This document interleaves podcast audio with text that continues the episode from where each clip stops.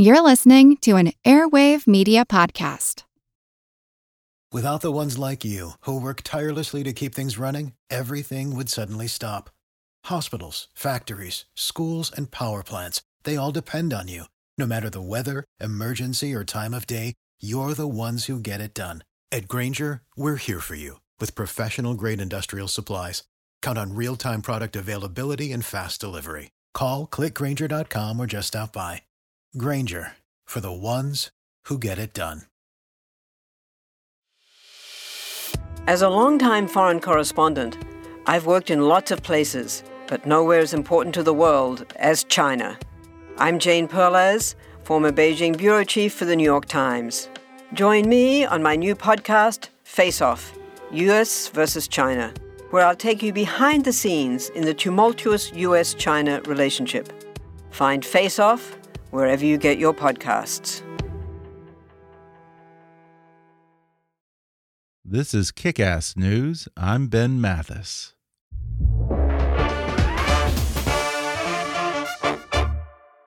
Anchor is a Spotify owned company that makes it easy for people to get into podcasting. It's an all in one, totally free platform where you can record a podcast, host it, distribute it, measure your performance analytics, and find sponsors. It all works in your web browser or through Anchor's mobile app. Give Anchor a try for free at anchor.fm slash kickassnews. That's anchor.fm slash kickassnews. And now, on with the show. I think, it, I think it's important for you all to be aware uh, that it's been in the press all over the country that the children who were previously kept with their families under a new policy just implemented by the Attorney General are being separated from their families and warehoused here. And uh, the the Attorney General's team and the Office of Refugee Settlement, they don't want anyone to know about what's going on behind these doors.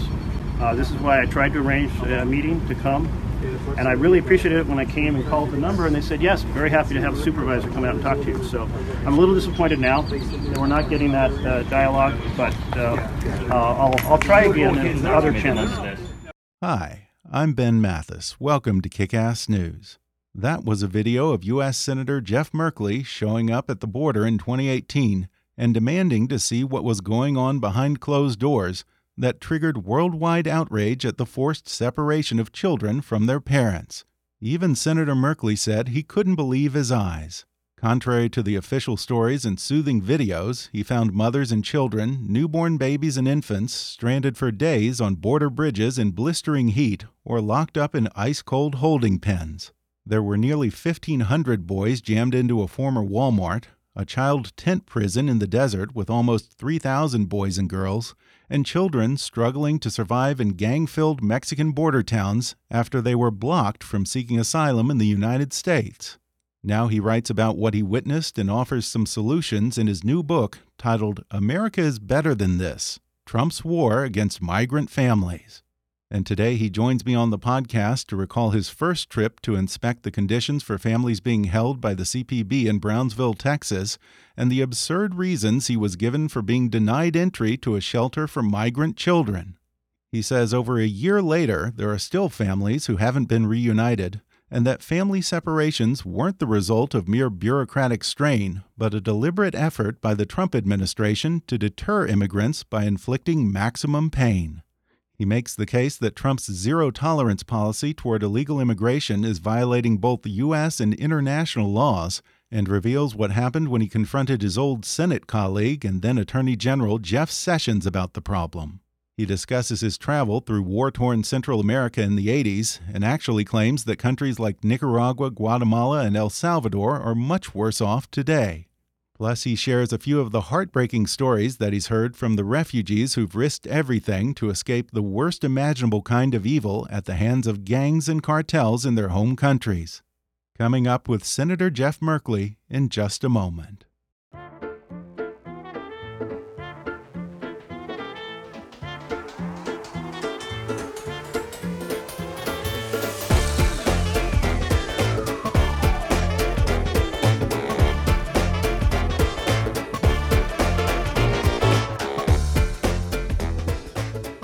Jeff Merkley is a senator from Oregon, serving in the U.S. Senate since 2009.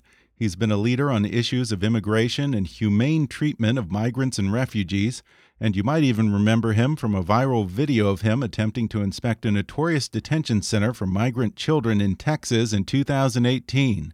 Now he writes about it in a new book titled America is Better Than This Trump's War Against Migrant Families. Senator Merkley, welcome to the show. Thank you so much, Ben. Good to be with you. Well, Senator, immigration has been one of your top priorities in the Senate, and you were one of the first people to call attention to the flaws in the Trump administration's so called zero tolerance policy to undocumented immigrants. When you first heard then Attorney General Jeff Sessions announce this policy, did you really believe that he was serious about things like family separations and child detention centers, or did you sort of assume that this was maybe just another bluff by the president or a negotiating tactic?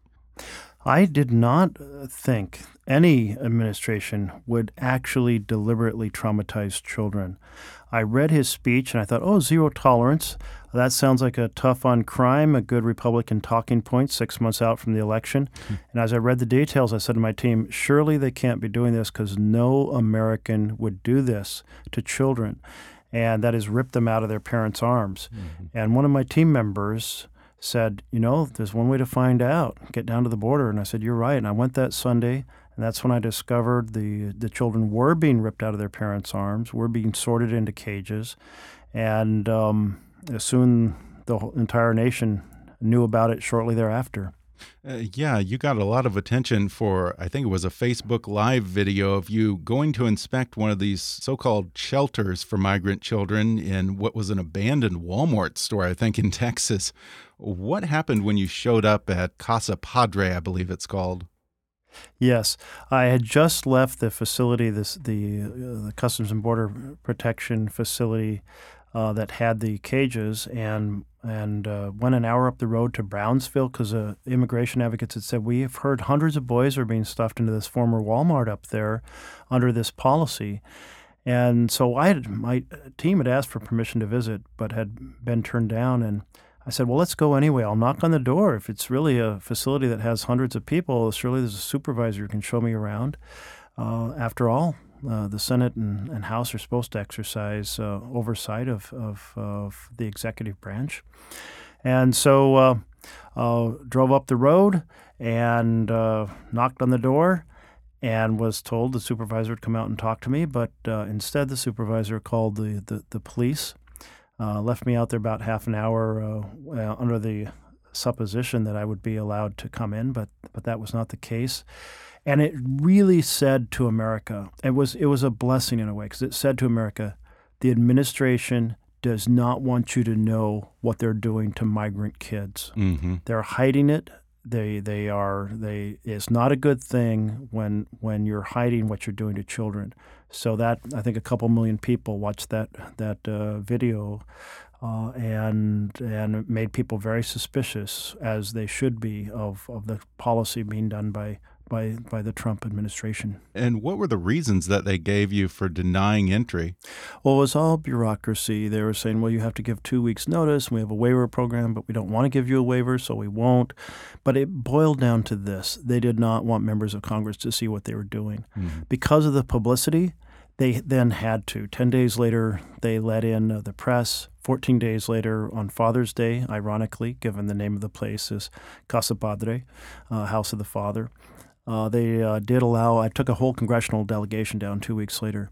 And what we found is there weren't hundreds of, of boys, as I had heard. I'd heard maybe even upwards of a thousand boys in there. There were 1,500 boys stuffed into that wow. facility. And just think about they have they you know they bragged about their their one soccer field outside. Can, how long does it take 1,500 boys to share a, soccer field? Yeah, uh, it, it, these mega facilities uh, are outrageous. Children can't be attended to, and they had not provided mental health counselors. In fact, they told me they were were short 90 counselors. Mm. And it shows that very little planning went into zero tolerance. And unfortunately, this nonprofit, Southwest Key, was essentially a partner in the program, getting paid huge sums of money to do this and not objecting at all to the underlying dark and evil nature of what was occurring. Mm-hmm. Yeah, and it just occurred to me that uh, one of the more absurd aspects of this was at some point they put out a statement saying that they initially had denied you entry, a U.S. senator, because uh, they were trying to protect the safety and dignity of the children, as if you were somehow. That's exactly that. what they said. Yes. Yeah. yes. You know, and and what I have seen is um, everything they're doing that is hurting kids. They they hmm. defend publicly by saying they're protecting kids. Yeah. Uh, obviously, they don't want to own up uh, to the underlying theme, although the theme, that is, uh, uh, treat children in this fashion in order to deter immigration, has been sp- spoken to explicitly, uh, both by former uh, Attorney General Sessions, by a former head of Homeland Security, um, and that is John Kelly, who then became the Chief of Staff. Uh, so several members of the administration did lay it out very, very clearly. In fact, the first conversation about it was just 13 days after Trump took office. Hmm. You know, I confess that I have been kind of working under the assumption that these separations are the result of just bureaucratic red tape, the usual lack of resources or space, general disorganization. But you say in the book, the Trump administration was using family separations very deliberately. What was the purpose of that? Absolutely. They laid out, and John Kelly was very upfront about this when he was uh, questioned uh, just, um, it was uh, March of 2017. He said, Yes, we are considering uh, taking the children away from the parents, and we're doing it to deter immigration. Mm. So, traumatized children deter immigration. And this came up time and time again. You see those two things connected. Uh, it's why, well, think of it this way uh, the president said, "Come to the ports of entry," and we just don't want you crossing between ports of entry because right. that would be illegal versus legal. But then they come to the port of entry, and they are blockaded from entering the United States as a with refugee status.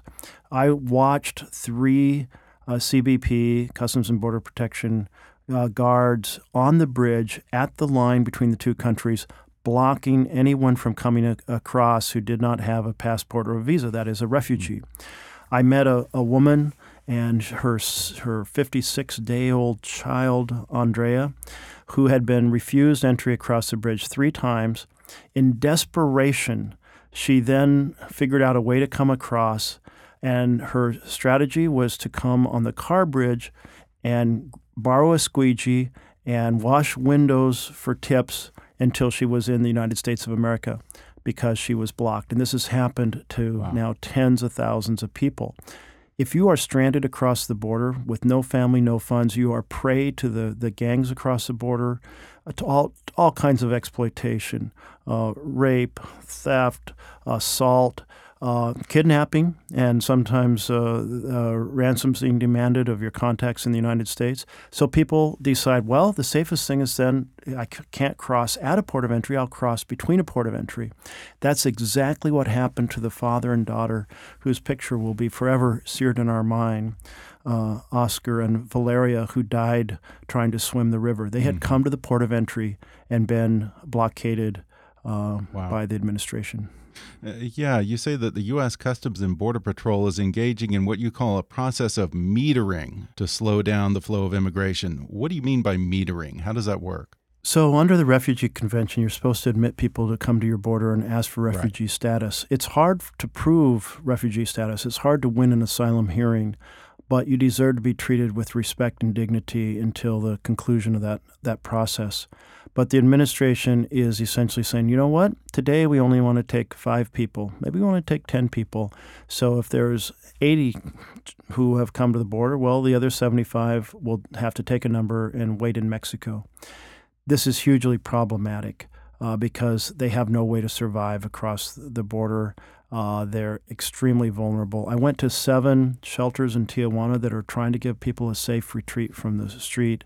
I saw one room about the size of a conference room, had 17 families living in it. Oh. Each, each, there were four bunk beds for a total of uh, eight beds. Uh, there were another nine mattresses on the floor. It was every every mattress was a family.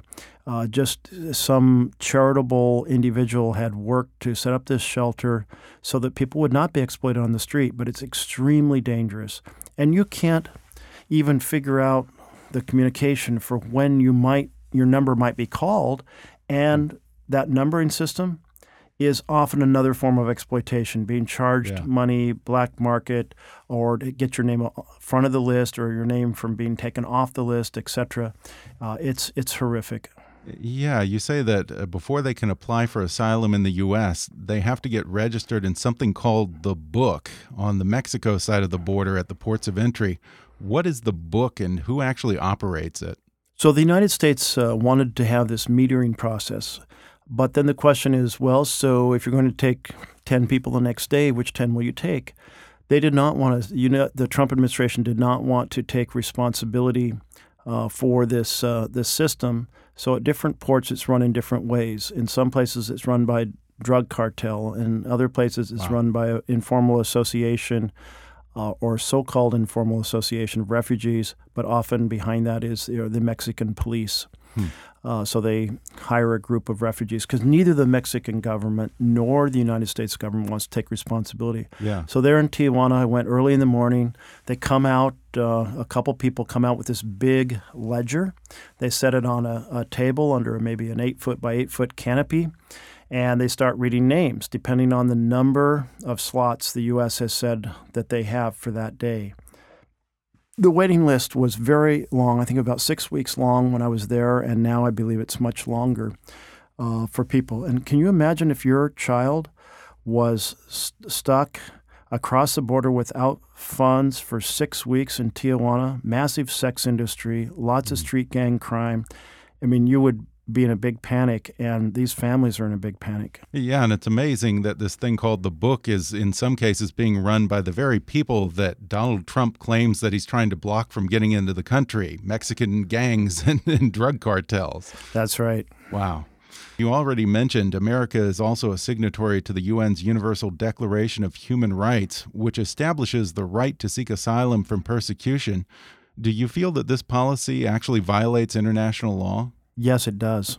It does. I mean, the whole point of the Refugee Convention, which we signed in 51, and the Declaration of Human Rights was that when someone is afflicted and knocks on your door, you open your door. Uh, and it doesn't mean that, that they win asylum because they have a very high responsibility to demonstrate a credible fear of return but it does mean you don't leave them in a vulnerable situation. And what the Trump administration do, is doing is, is leaving these children and refugee families in a very vulnerable situation. Trump rarely comes up with these things on his own. There's usually someone in his circle who puts a bug in his ear. Uh, who do you suppose in his inner circle bears the most responsibility for these harsh anti immigration policies? It's Stephen Miller. Really? There are a series of think tanks that are feeding ideas. Uh, think about it this way in general, when an election is coming up, uh, Democrats run on hope, the hope that we can have better programs on health care, housing, education, and jobs. And Republicans run on fear. They run on the Ebola epidemic. They run on ISIS. Uh, they they run on um, a horde of immigrants coming across the border. Uh, they run on uh, people being assaulted in a blind alley by someone with a gun. Uh, the this is crudely because, in general, the electorate believes Republicans uh, pay more attention to public safety and Democrats pay more attention to family welfare. So that's the general dynamic. Back in the middle of last year, in 2018, the Republicans were going through the list of things that they could use as a fear factor in the 2018 campaign. Well, Ebola wouldn't work because it was no longer a scary international threat, even though there was an outbreak in, in the Democratic Republic of the Congo. But that was very, very remote and far away, and not much attention was paid to it. Uh, well, ISIS wouldn't work because uh, ISIS had pretty much been vanquished from uh, its previous extensive territory. And oh, well, immigration, let's crank that into the fear factor for, for the election. And so rather than the president saying, we have a broken system, Let's go back to the bipartisan deal of, of 2013 when D's and R's in the Senate passed a bill together, a supermajority, uh, to tra- take on security at the border, security uh, with visas, use those visas in, in, the, in a fashion to help address challenges in, in, the, in, the, in the marketplace, create a path for citizenship for folks who had come before the legislation was, was uh, put in place, uh, make validation at, at points of employment. In other words, a whole comprehensive reform. Instead of that, the president is accentuating uh, the problem. Mm-hmm. Uh, and um, so here, here we are. I mean, I have to assume that you must find it somewhat fundamentally absurd the president's line when he says that his zero tolerance policy is actually a humane policy and it's about actually protecting migrant families from cartels and drug lords and so forth. Yes, know, the the president and his team said this to me when I talked to him about it.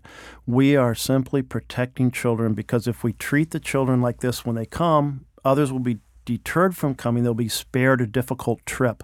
Well, realize folks are coming because they're under horrific circumstances. They don't know exactly what's going to happen when they get to the border. But what they do know, if they don't leave by Friday, some member of their family is going to be shot because they couldn't pay the extortion payment or they couldn't repay the loan taken from a drug cartel, or because the, the local gang is wants your daughter as a sex slave, and if you don't turn her over, either she or you or another family member is going to be killed.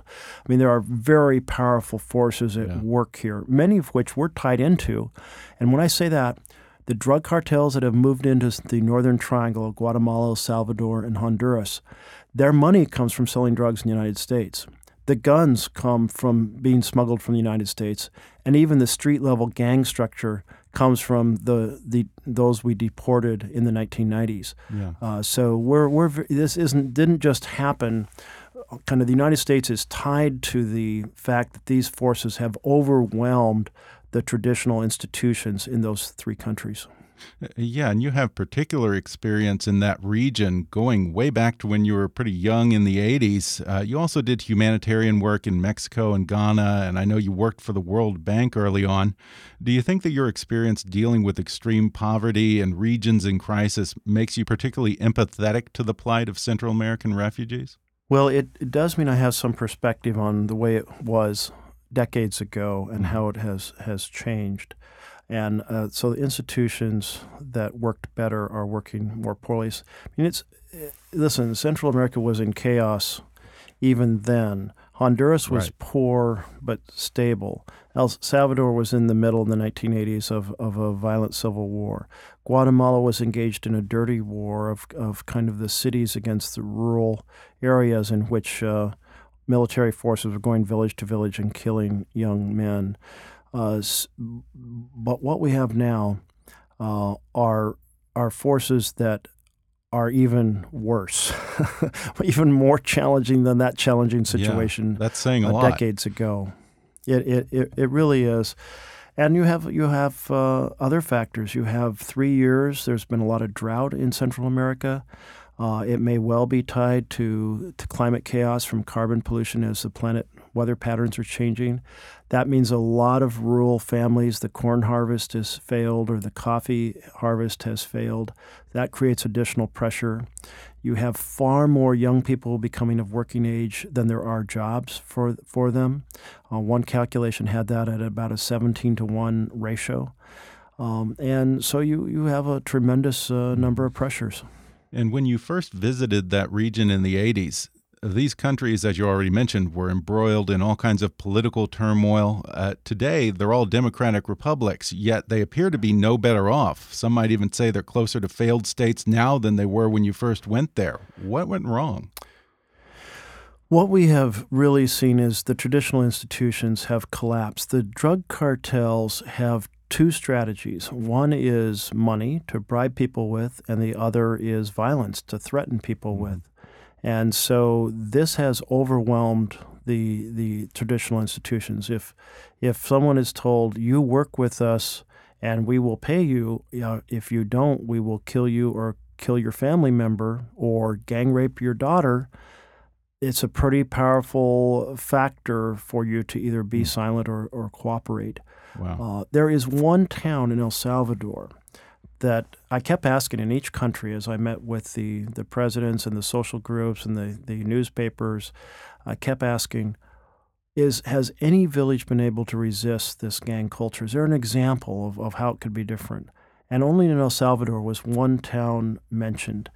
And uh, I, I, I talk about that town in, in my book. Uh, and it has a mayor who put on a bulletproof vest and, got a, a, machine gun and got in a jeep and started recruiting town members uh, to immediately drive out uh, either of the, the major gangs out of the city.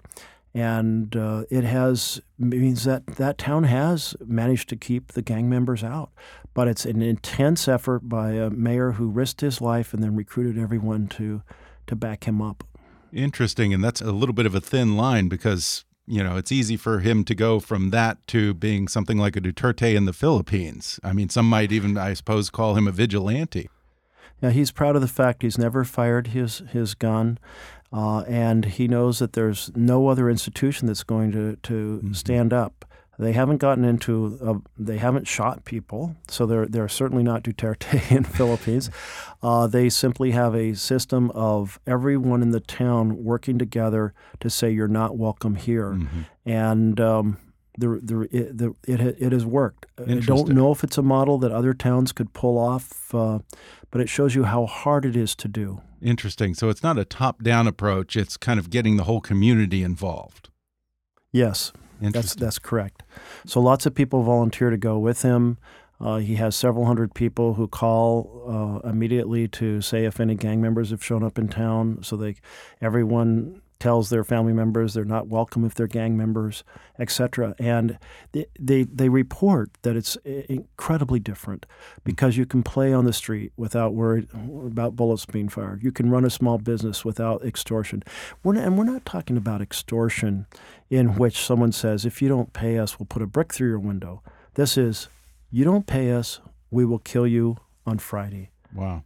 Or we'll kill your family member, or we will gang rape your daughter and I mean, in other words, these are very forceful, violent, high end threats yeah. that are taken as real because they are real. We're going to take a quick break, and then I'll be back with more with Senator Jeff Merkley when we come back in just a minute.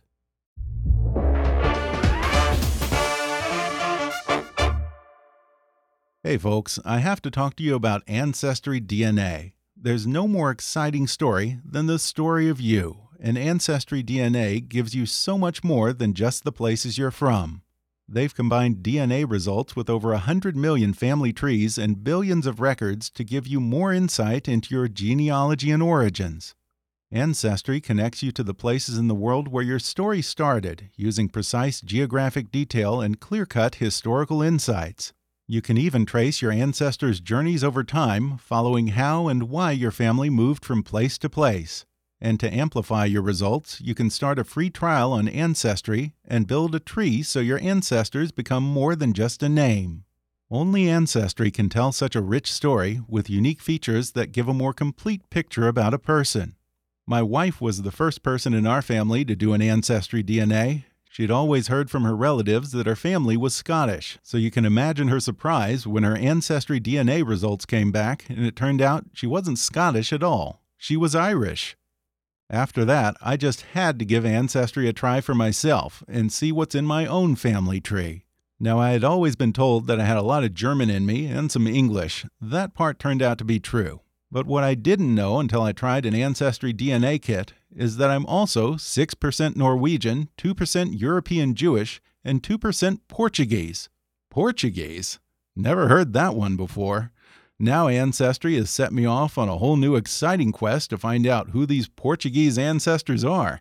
And as I go along, I'm sharing the news with my relatives by adding to my Ancestry family tree. Go to ancestry.com slash kick today for 20% off your Ancestry DNA kit. That's ancestry.com slash kick for 20% off your Ancestry DNA kit. Ancestry.com slash kick. And now, back to the podcast. So, as bad as conditions may be for a refugee coming to the U.S. and maybe being held in these detention centers, it's probably uh, way better than what they would be facing back home. You know, um, uh, Gabriella, the mother I met with her with her 65 day old, uh, 56 day old uh, child on the border in her arms. Um, she she had fled because they couldn't repay a bank loan, and she was the one who was targeted. And in her case, she said, "I was pretty sure they wouldn't kill me uh, while I was pregnant, so I hoped we'd be able to repay the loan before my child was due." Uh, we weren't able to, so with one month left, I, I fled, delivered my baby along the three month journey to the United States. Unbelievable. And so I asked her, uh, now that you you uh, have arrived here on the border during your trip, during your three month trip, was the family able to repay the loan? She said, no, they weren't. And I said, so what happened? She said, well, because I wasn't there, they killed my uncle. And is this the woman that you brought to uh, the president's State of the Union? no. So this was uh, uh, a, a, mother and her her little two month old baby that uh, I met on the border on Father's Day in, in 2018. I was there with. I took a congressional delegation uh, back two weeks after I had been rejected in, in Brownsville from visiting the center. Uh, the the woman who came uh, to uh, the State of the Union, uh, it was a mother and daughter. Uh, Jacqueline was it was her twelfth birthday, and her mother Albertina, and in in that case they were fleeing gang-inspired domestic violence where she had been essentially co-opted into a, a gang uh, or or a very difficult, uh, if you will, domestic violence situation. Often there's a, often you're, it's hard to draw the line between the gang role and the domestic violence. She was sure her her daughter, as she came of age, uh, would be forced into being a a sex uh, slave for a, a gang, and as that threat grew greater, she fled uh, to protect her daughter. And they were separated at the border, spent two months apart. Uh, I asked her daughter if she had anything to say to President Trump, what would she say? And she said, I would tell him to uh, end this most cruel law. She called child separation this most cruel law. I thought an appropriate term to use. Yeah. I was really uplifting this uh, this 12 year old. She was just full of life. She was so excited about her life of, ahead of her. Uh, she and her mother are applying for asylum. It's not clear that they will get asylum because the the president's team has now said that fleeing for your life, even if the local gang is the government of your community, they will not accept that as, as grounds for asylum. And it's it's been traditional that domestic violence and gang activity were protected groups. So she they may well be sent back. Wow. But but she was extraordinary. I mean, she left behind the mother Albertina. She left behind two little boys. She she had to make the type of terrible choice for any parent to flee with one child. She left her other two children with her sister. And President Trump has also talked about ending the U.S. strategy for Central America, which is a program created by President Obama that sort of coupled U.S. aid in the Northern Triangle with certain benchmarks for reform and combating corruption. If we end this, I have to think that that's only going to make the crisis on the border even worse.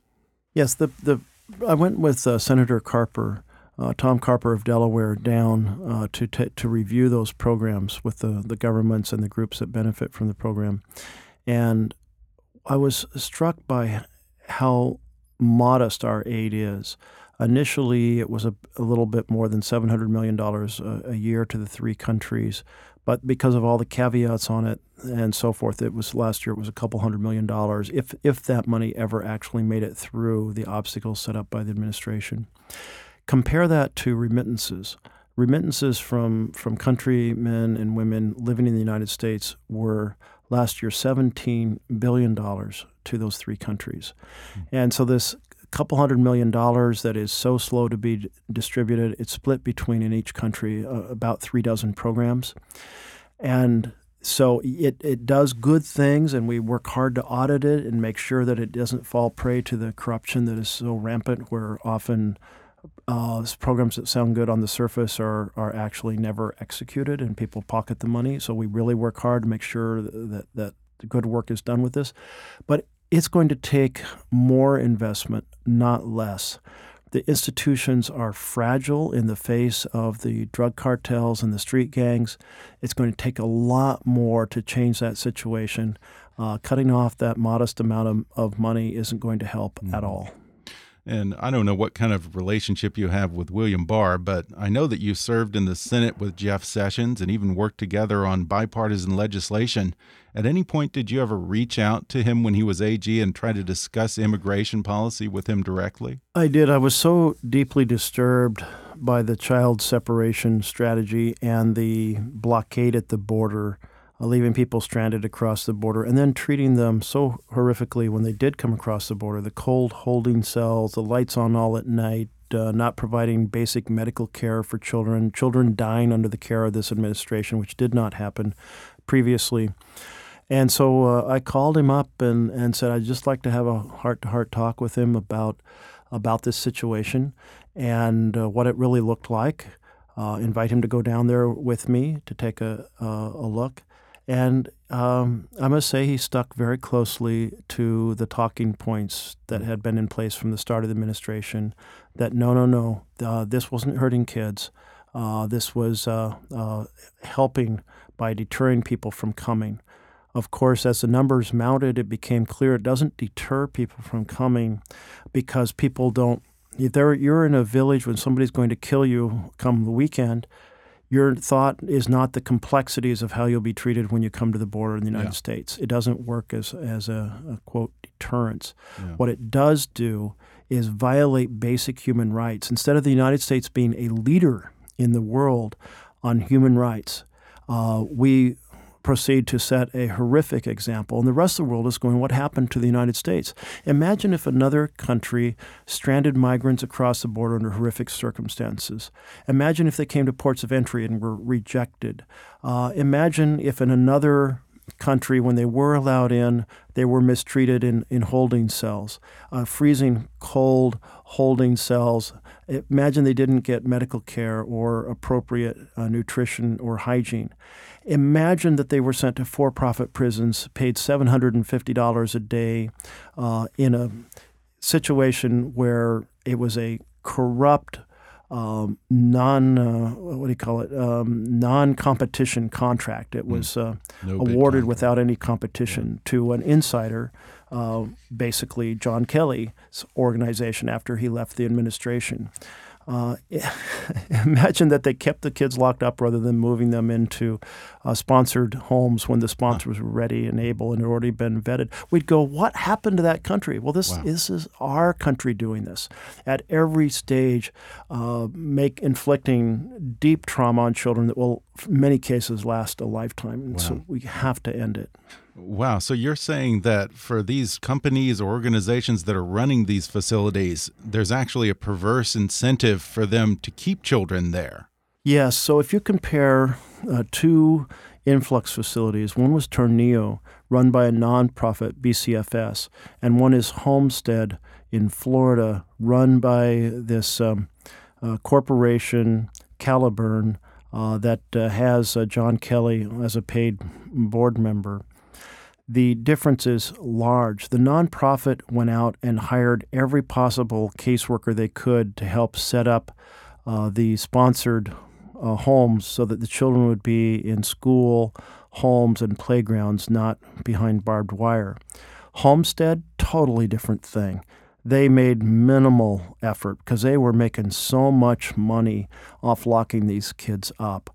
We have to end the the financial incentive to lock up children. And by the way, the uh, homestead was really in violation of, of the core Flores settlement agreement, which says you don't lock up children uh, in a this setting for more than three days.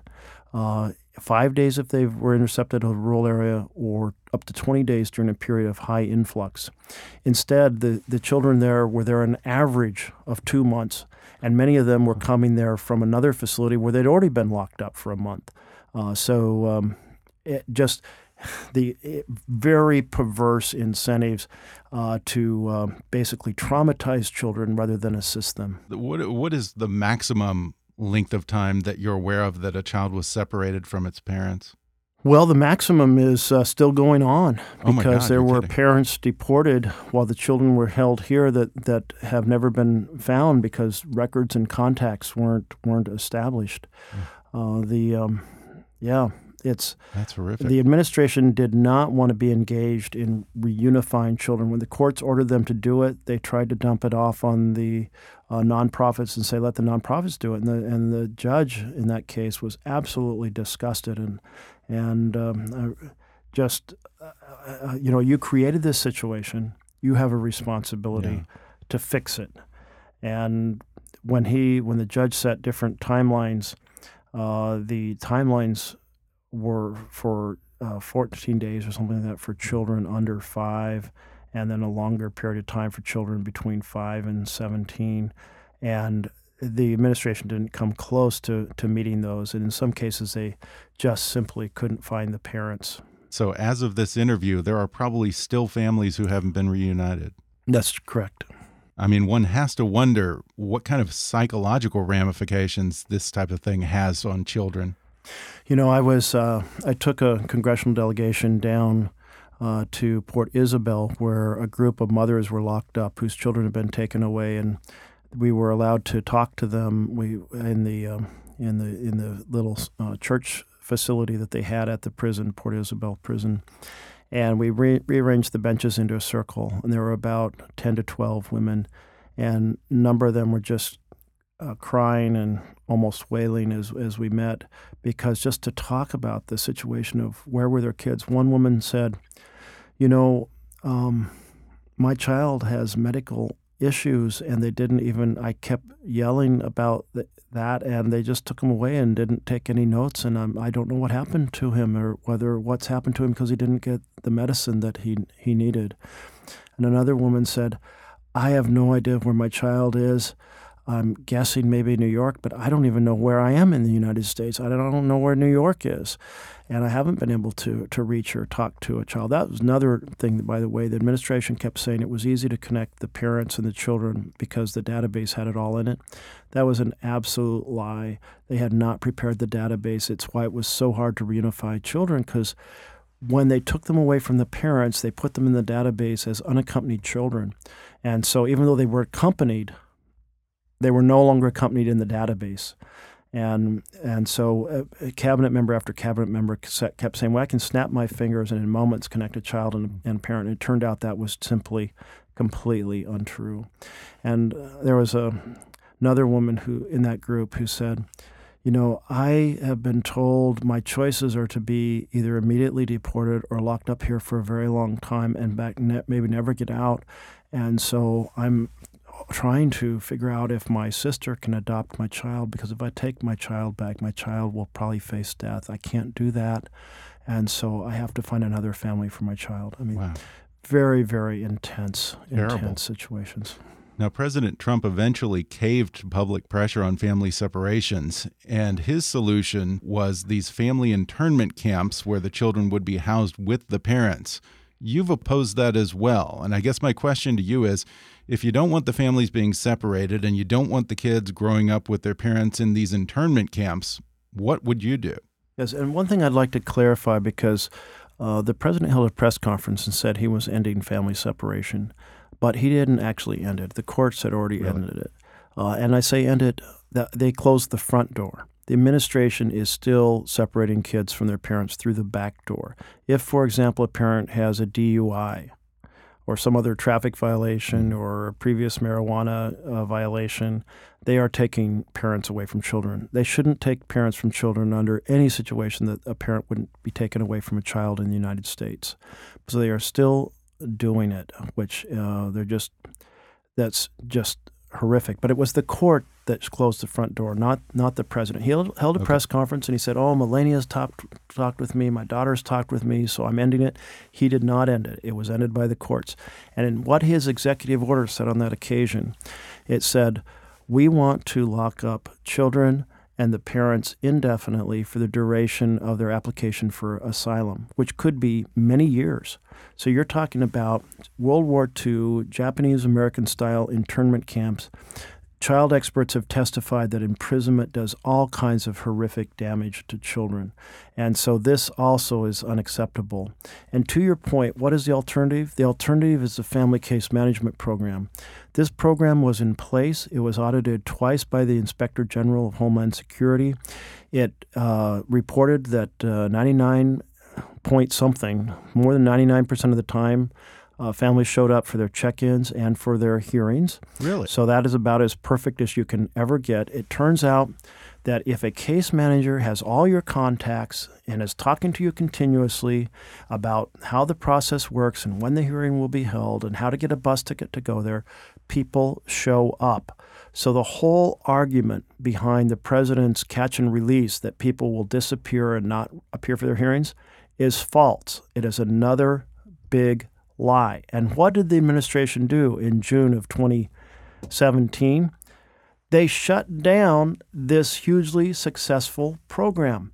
They wanted to create a, a fiction that people don't show up, so they shut down the program that actually worked. Hmm. And so, what would I do? Reestablish the family case management program. It's something to understand that if um, a family is here in the U.S. and they win their asylum hearing, well, then it's important that we treated them very well. And if they lose their asylum hearing, it's important that we treated them very well. We should treat them the way we would like our family members to be treated if they were fleeing persecution. Yeah. Well, Senator, I appreciate your looking into this issue for us. Again, the book is called America is Better Than This Trump's War Against Migrant Families. Senator Jeff Merkley, thanks so much for talking with me. Uh, thank you so much for having me on, Ben, and for paying attention to this issue. The the president's tweets dominate the news every single day, and and it's easy for us to forget there are massive, big problems in America, uh, from healthcare and housing to jobs and education, and to human rights that we must continue to focus on. Absolutely. Well, Senator Merkley, thanks so much. Thank you.